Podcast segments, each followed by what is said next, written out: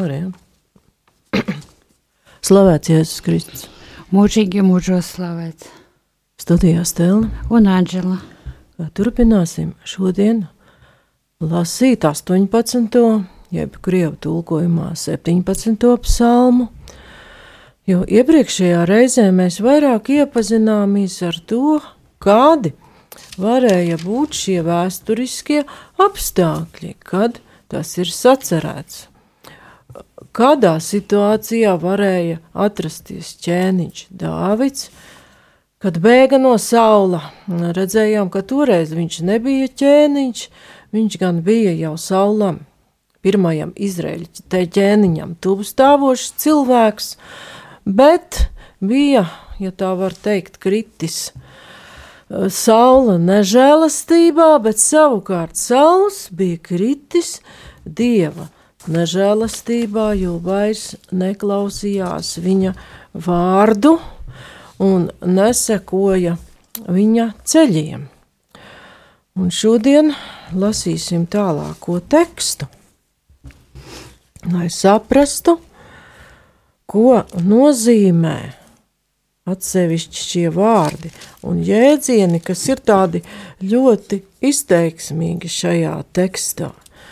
Vispirms jau ķēniņš runā par to, un atceramies, ka tad viņš vēl nebija ķēniņš. Viņam bija daudz ienaidnieki, jo saula piekritēji vienlaicīgi bija arī šī saula karavadoņa Dāvida ienaidnieki, Un viņš to pasaka pat tādiem vārdiem, ka bangas man vēlās virsū iznīcības traumas, mani biedēja.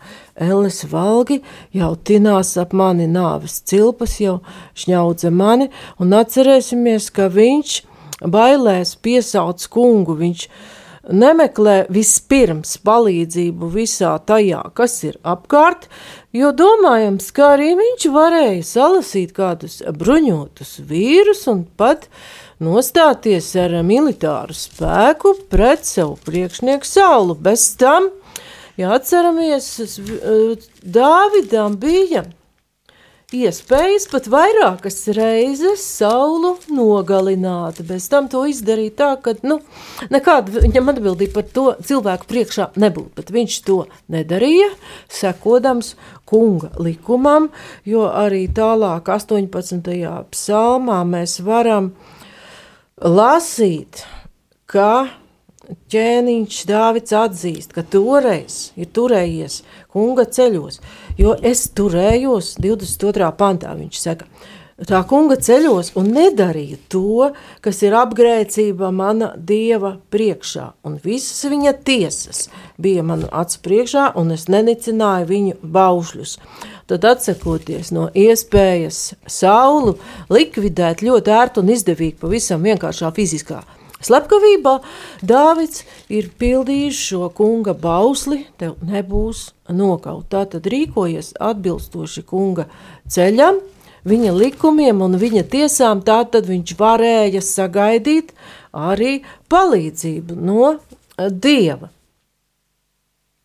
Un mēs redzam, ka Dievs ir Dāvida lietā bijis ieinteresēts. Viņš ir sadzirdējis šo saucienu un uzlūko šo viņa lietu, un viņam tā rūp pat tik tālu, kad kā psalmā ir teikts – un brēkšana nāca viņa ausīs. Zeme līgojās un drebēja, un kalna pamati trīcēja, tie grīļojās viņa bardzības priekšā, dūmi nāca no viņa nāsīm, un uguns liesmas no viņa mutes kvēloja šoglas, kā zibeņi dzirkstīja no viņa. Viņš pielieca debesis un pats nolaidās zemē, un tumsa bija zem viņa kājām. Tātad Dievs pats nonāk uz zemes, lai palīdzētu savai radībai, mazam, nīcīgam cilvēkam. Un arī mēs varam izlasīt atkārtoti Ecehela grāmatā Dievu parādību. Šķita, ka vidū ir četras būtnes, kas izskatījās kā cilvēki. Ikvienam no tiem bija četras sejas un četri spārni. To kājas bija taisnas, bet kāju pēdas kā teļanāki, un tie spīdēja, kā spodrināts varš. Zem spārņiem Tiem visā četrās pusēs bija cilvēka rokas. Tiem bija gan četras sējas, gan četri spārni. Spārni saskarās viens ar otru, kad tie gāja, tie nepagriezās, bet ik viens devās taisni uz priekšu. Izkastās tiem bija šāds, katram bija cilvēka seja, un un labajā pusē lauva seja. Kreisajā pusē katram bija vērša seja, un katram bija ērgļa seja. To sejas un spārni bija vērsti augšup. Divi spārni saskarās kopā, bet ar otriem diviem tie apklāja savu ķermeni. Ik viens devās taisni uz priekšu, tie devās turp, kur gars to sveda, un kad tie gāja, tie nepagriezās. Paldies! Tad izvērstais teksts no Ecihela grāmatas it kā komentē ļoti īsu pantu. Jā. 11. pantu viņš brauca uz ķērubu un aizlidoja tālēs. Viņš lidinājās ar vētras spārniem. Un saprotam jau no iepriekšējiem raidījumiem par Ecihela grāmatu, ka tur ir aprakstīti šie rati Merkaba, un tur varam to attiecināt arī uz evaņģēlija izplatīšanos par visu pasauli. It kā Ecehēls būtu kaut ko paņēmis no šī Dāvida psalma, jo ķēniņš Dāvids dzīvoja iepriekš, un redzams saistības starp dažādiem svēto rakstu tekstiem. Arī tālāk, ja skatāmies, viņš tumsu darīja sev par apsegu, tumši ūdeņi, bieži padebeši bija viņa mājoklis. Tad Dievs parādās tādā bardzībā un draudošā izskatā, taču ķēniņam Dāvidam no viņa bailes nav. Ja atceramies, arī Ecihēlam bija bijība, bet viņš vienmēr juta šo kunga vārdu uz sevis un klātesošu. Te mēs redzam saikni šim tekstam jau ar notikumiem izceļošanas grāmatā, jo te ir tāds dieva godības apraksts, ka dievs palīdz un ar to šo palīdzību parāda savu godību. Un par šo mākoņu stābu un visiem šiem notikumiem varam lasīt izceļošanas grāmatā 13. nodaļā. Izceļošanas grāmata 13. nodaļā, Kad tāpat kā Dāvids, tur ir pa Dāvidu, mēs redzam runu par vienu cilvēku. 13. nodaļā ir runa par šo tautu, kura izceļo. Un var teikt, ka arī Dāvids ar šiem pārbaudījumiem un bēgšanu no saula viņš izceļoja no savas iepriekšējās situācijas un varētu likties, ka tad Dāvida iziešana un izceļošana ar bēgšanu – nu, kaut kas galīgi, galīgi traks, nejēdzīgs un atbaidošs. Nu, viņš it kā pat zaudē to, kas viņam bija. Bet nē, šī izceļošana Dāvidam caur bēgšanu, caur it kā neveiksmi un vajāšanu faktiski bija ceļš uz troni. Un 13. nodaļā izceļošanas grāmatā tauta arī ir ļoti bēdīgā situācijā. Faraons ar karaspēku dzenas pakaļ. Nepatikšanas ļoti liels. Ko tagad darīt? Bet kas notiek? Dievs ir klātesošs šai tautai, kurai dzenas pakaļ lielvaras pārstāvis, jo Ēģipte tajā laikā bija nozīmīga lielvara. Viņi aizgāja no Sukotas un apmetās pie ētamas tuksneša malā. Un tas kungs viņiem gāja pa priekšu dienā mākoņu stabā, lai tos vadītu pa ceļu, bet naktī uguns stabā, lai ceļš tiem būtu apgaismots dienu un nakti un mākoņu stāps dienā, un ugunsstaps naktī nenozuda tautas priekšā. Tad Dāvids savā psalmā atgādina arī par šo notikumu, tātad pārdabisku neiespējamu palīdzību situācijā, kura izskatās bezcerīga. Un 16. pants vēl vairāk ļauj saprast, ka Dāvids ir atcerējies šo savas tautas vēsturi. Jūras dziļumi kļuva redzami, un zemes pamati tika atsekti tavas bardzības dēļ, ak, kungs, ar tavu nāšu dusmu pilnām elsām. Viņš izstiepa savu roku no augšienes, satvēra mani un izvilka no lielajiem ūdeņiem. Viņš mani izrāva no stipra pretinieka rokām, no maniem ienaidniekiem, kas mani pārmērīgi stipri būdami māca. Viņi cēlās pret mani nebaltā dienā, bet tas kungs kļuva man par atbalstu. Tad Dāvids atcerēdamies šos vēsturiskos notikumus, kad no liela pārspēka tika izglābta viņa priekšteču tauta – tos attiecina šajā psalmā uz sevi. Arī atkal Ecehila pravieša grāmatā mēs varam lasīt. Tādēļ saki tā, saka kungs Dievs, es jūs sapulcēšu no visām tautām, un es jūs savākšu no visām valstīm, kurās jūs tikai izkaisīti, un es jums došu Izrēla zemi, Kad viņi tur nonāks, tie aizvāks no tās visas riebeklības un preteklības. Es jums došu citu sirdi, es likšu viņos jaunu garu, es izņemšu no viņu miesām akmens sirdi un došu tiem miesas sirdi. Un tad viņi sekos maniem likumiem, tie turēs un pildīs manas tiesas, viņi būs mana tauta, un es būšu viņu dievs. Paldies! Tad šajā tekstā jau mēs varam saprast, ka pravietis runā par visas cilvēces izceļošanu no grēka verdzības ceļā uz dieva pazīšanu. Un kā redzam, arī tagad dažādās pasaules malās cilvēki atrodas briesmās un viņi jūt lielu apdraudējumu. Un viņiem pat nav skaidrs, kā no tā izceļot. Tā kā varam saprast, ka šo izglābšanu no briesmām svētie raksti par to runā vairākos līmeņos, gan uz katru cilvēku atsevišķi, kā Dāvids to attiecina uz sevi, tas ir arī par viņa priekštečiem izredzēto tautu, un tur vēl mēs varam atrast tekstu, ka šis eņģelis, dieva un mākoņas taps ir priekšā un arī nāk viņiem līdzi, 19. pāns, 14. nodaļā izceļošanas grāmata, un dieva eņģēlis, kas bija gājis Izraēla pulkam pa priekšu, cēlās un nostājās aiz viņiem. Arī mākoņus stāps, kas bija viņa priekšā, cēlās un nostājās aiz viņiem. Tas novietojās starp eģiptiešu nometni un starp izrēliešu nometni.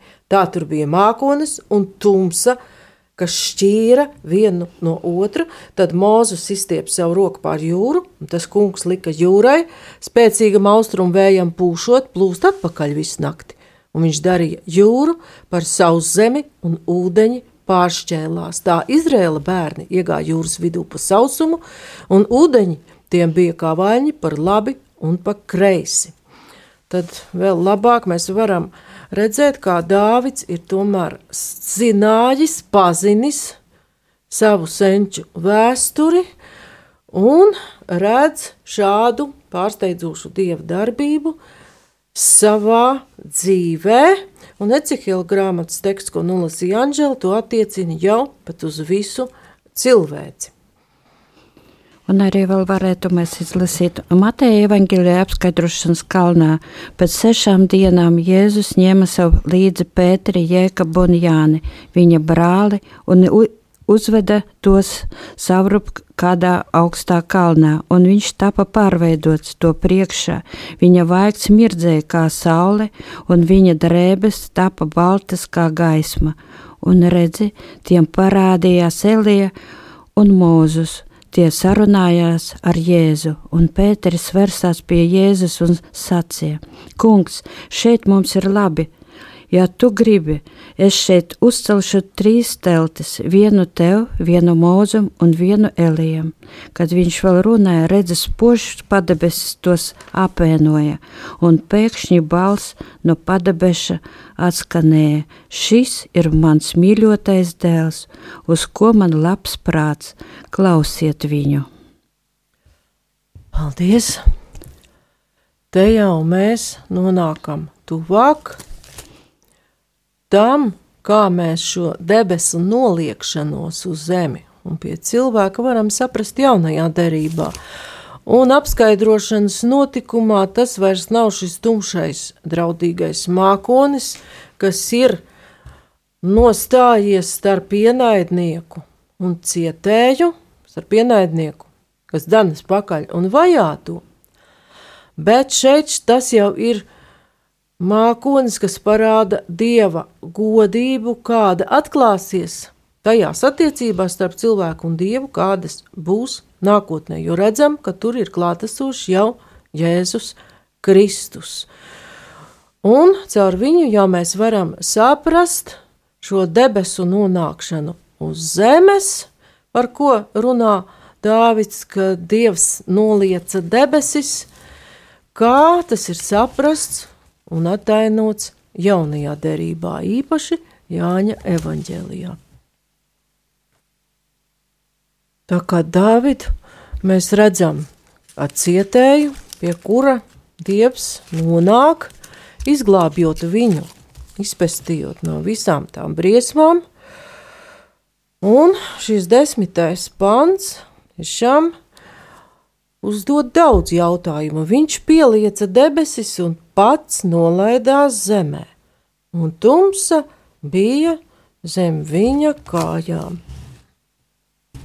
Kā mēs varam uztvert gandrīz tā, kā kāda persona no debesu augstumiem nonāk zemes virsū.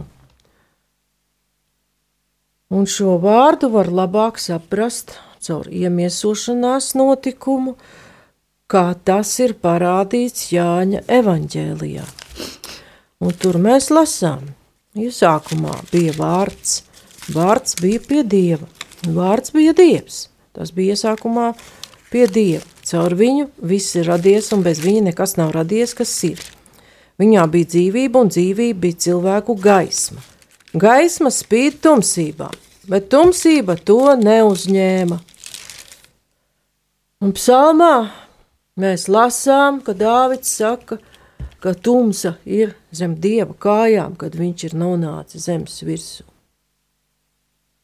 9. pāns Jāņa Evanģelī prologa.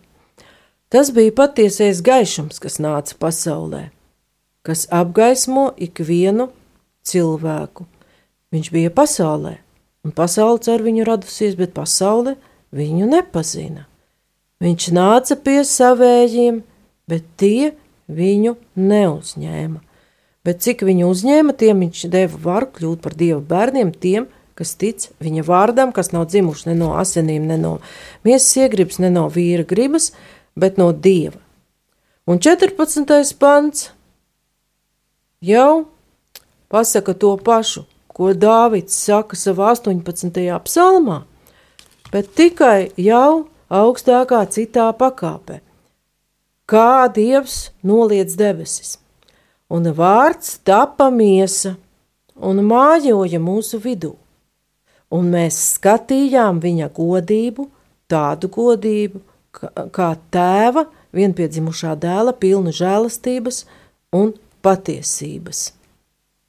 Tad šeit mēs redzam tieši šo notikumu, kā Dievs vispilnīgākajā veidā Jēzus Kristus personā savieno zemi un debesis. Vēl par šo notikumu citā veidā runā arī apustulis Pāvils vēstulē Filipiešiem.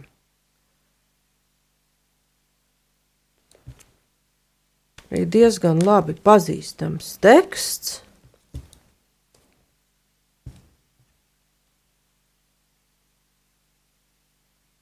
Otrā nodaļa.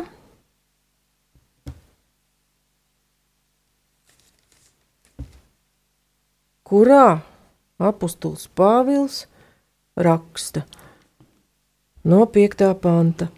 Savā starpā turiet tādu pat prātu, kāds ir arī Kristu Jēzu, kas Dieva veidā būdams neturēja par laupījumu līdzināties dievam, bet sevi iztukšoja pieņemdams kalpa veidu, tapdams cilvēkiem līdzīgs. Un cilvēka kārtā būdams viņš pazemojās, kļūdams paklausīgs līdz nāvei, līdz pat krusta nāvei.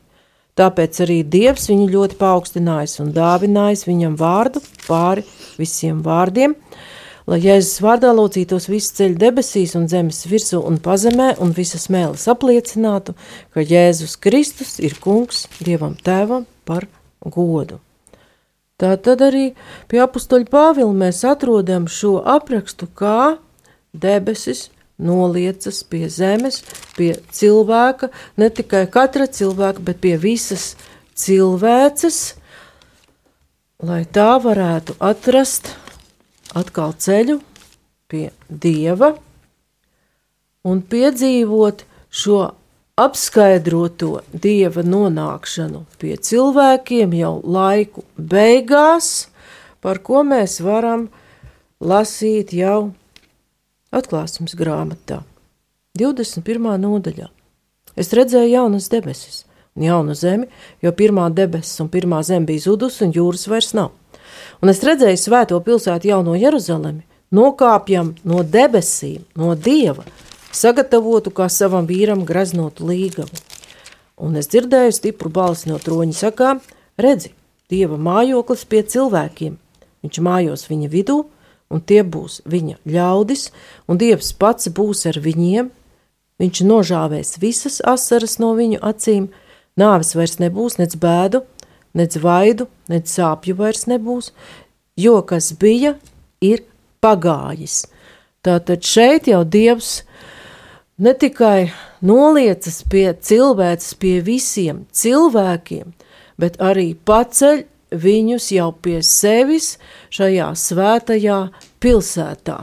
Tad tur var teikt, ka tur šis notikums, dieva nonākšana pie cilvēka, pa kuru Dāvids runā attiecībā uz sevi, ka ir saņēmis šo ārkārtējo palīdzību, un Dievs viņa brēkšanu ir uzklausījis, Tur jau tas ir piepildījies vispilnīgākā veidā attiecībā uz pilnīgi visiem cilvēkiem.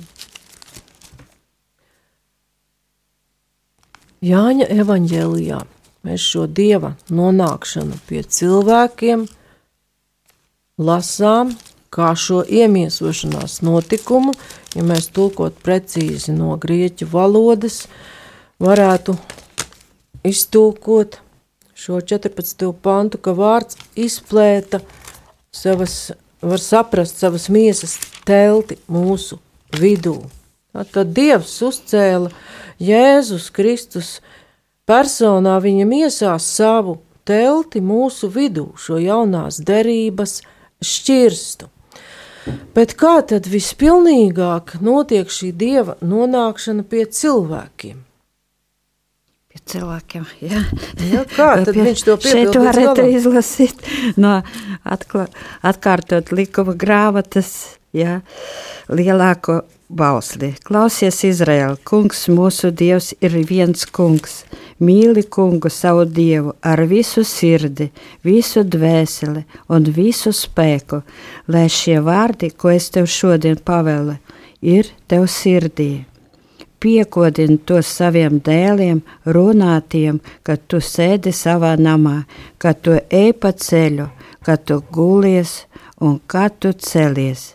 Piesien tos par zīmi uz savas rokas, un lai tie ir piesprādzēti tev uz pieres, un raksti tos uz sava nama durvju stenderēm un vārtiem. Paldies! Un šajā tekstā caur Dieva vārdu ir pateikts.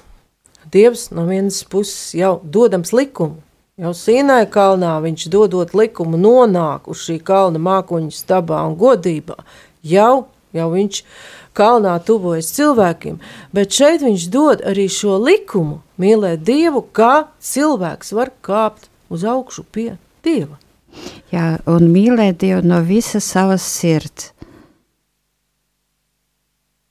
Ar visu savu būtību. Spēku, laikam Jā, tur būtību. vairāk bija tie jēdzieni. Jā.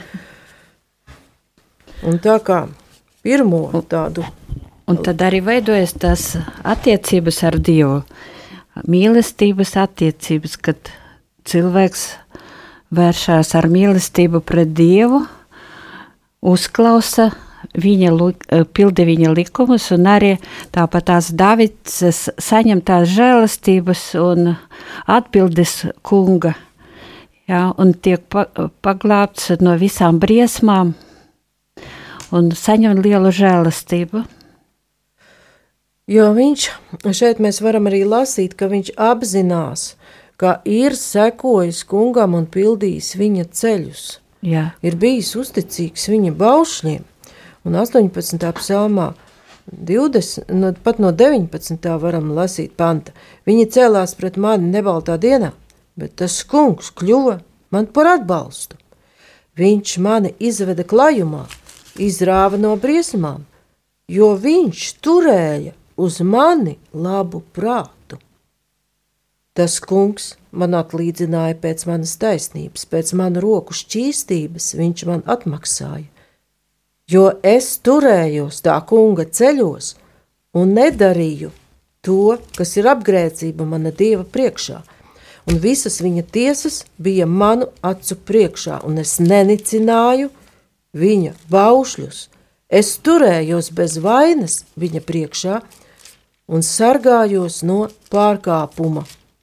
Tad šeit, ja mēs atceramies šo Dāvida vēsturi un viņa attiecības ar Saulu, ļoti skaidri varam saprast, ka ķēniņš Dāvids atcerās, ka viņam ir bijusi šī iespēja pārkāpt kunga likumu, un tā laika pasaulē cīņā par varu tas nebija nekas briesmīgs.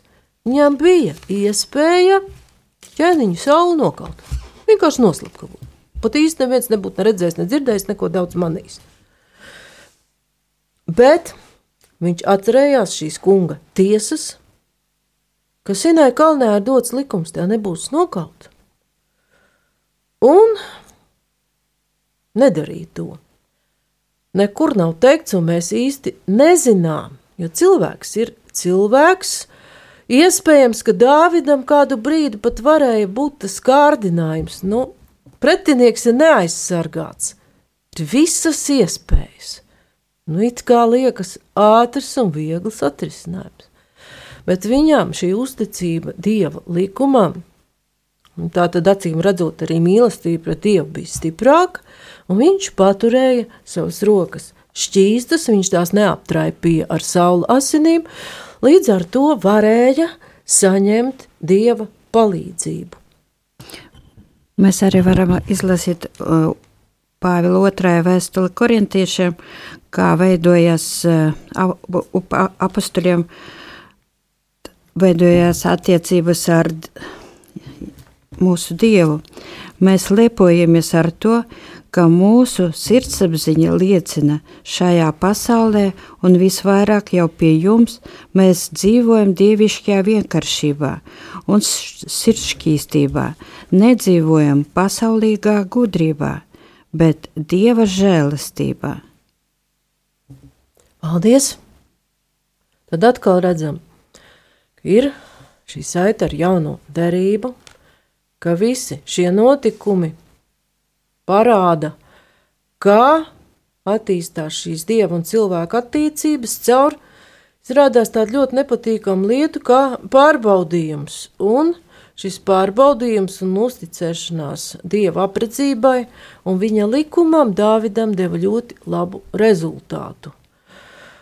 Un kāpēc tad tika pieļauts tāds pārbaudījumu daudzums arī Dāvida dzīvē, tas ir vienmēr tas jautājums, jo viņš bija uzticīgs kungam, pildīja viņa gribu, viņš arī uzticīgi kalpoja saulam, kā viņa karavadonis, nu kāpēc tas tiek pieļauts? Un šis jautājums ļoti plaši ir izvērsts Īģaba grāmatā,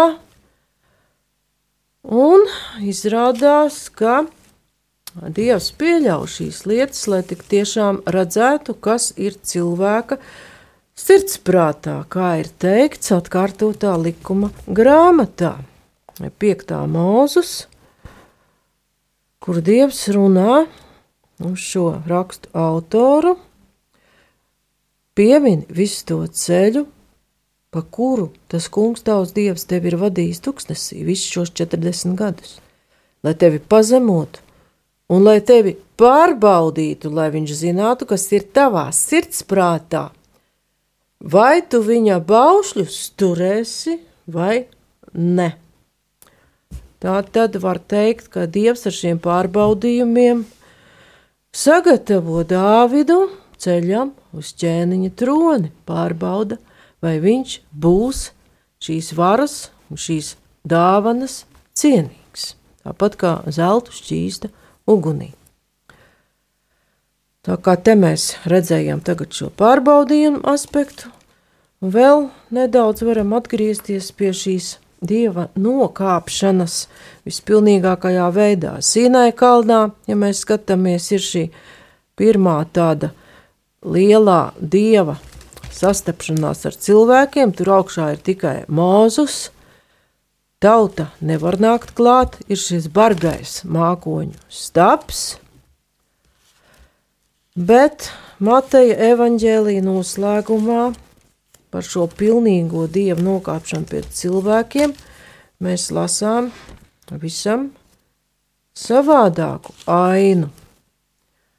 No debesis un zemi savieno Jēzus krusts, un tā ir Jēzus nāve, kad arī ir klāt šīs ārkārtējās parādības un Mateja evaņģēlī 27. nodaļā, no 50. panta mēs varam lasīt. Bet Jēzus atkal ieklīdzās stiprā balsī un izlaida savu garu. Redzi, tempļa priekškars pārplīsa no augšas līdz apakšai divos gabalos, un zeme trīcēja, un klintis šķēlās, un kapi atdarījās, un daudzu svēto miesas, kas dusēja, cēlās augšām un tie izgāja no kapiem pēc viņa augšām celšanās, nāca svētajā pilsētā un parādījās daudziem. Bet virsnieks un tie, kas bija pie viņa un sargāja Jēzu, redzēdami zemestrīci un visu, kas tur notika, ļoti izbijās un sacīja: Patiesi, šis bija Dieva dēls. Tā tad iepriekšējais bija Sinai kalns, kur ir dots vecās derības likums, un šis ir cits kalns, Golgāts kalns, kur tiek dots mīlestības likums, kuru saprot pat šie virsnieki, kas ir pie krusta, jo tie bija romieši, tie bija pagānu virsnieki, viņi ierauga šajā debesu noliekšanās aktā pie cilvēkiem, ka šis bija Dieva dēls.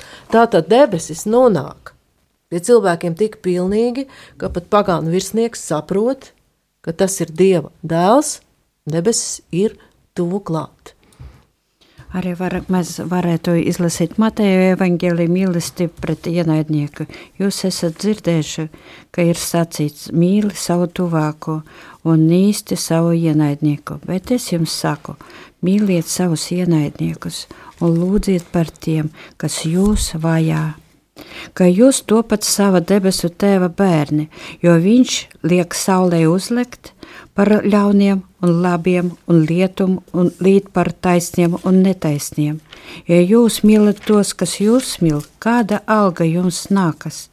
Vai arī muitnieki nedara tāpat?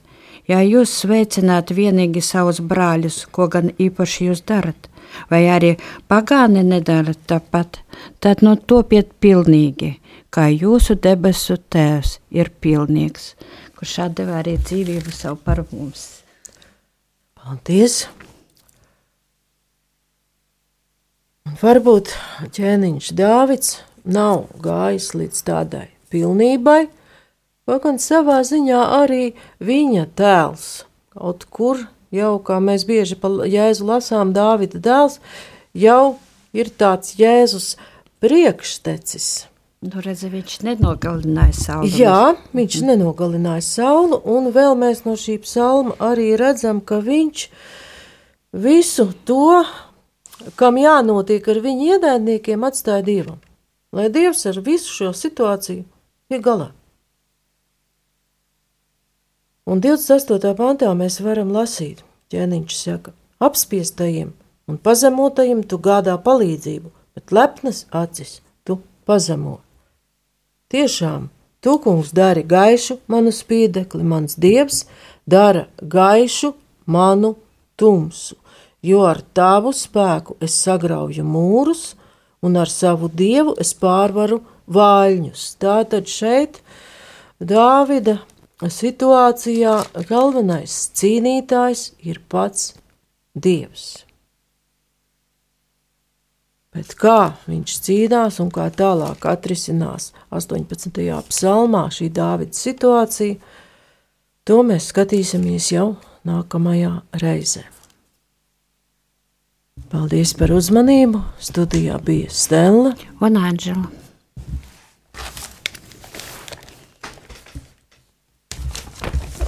Tālāk mums tur nerīt.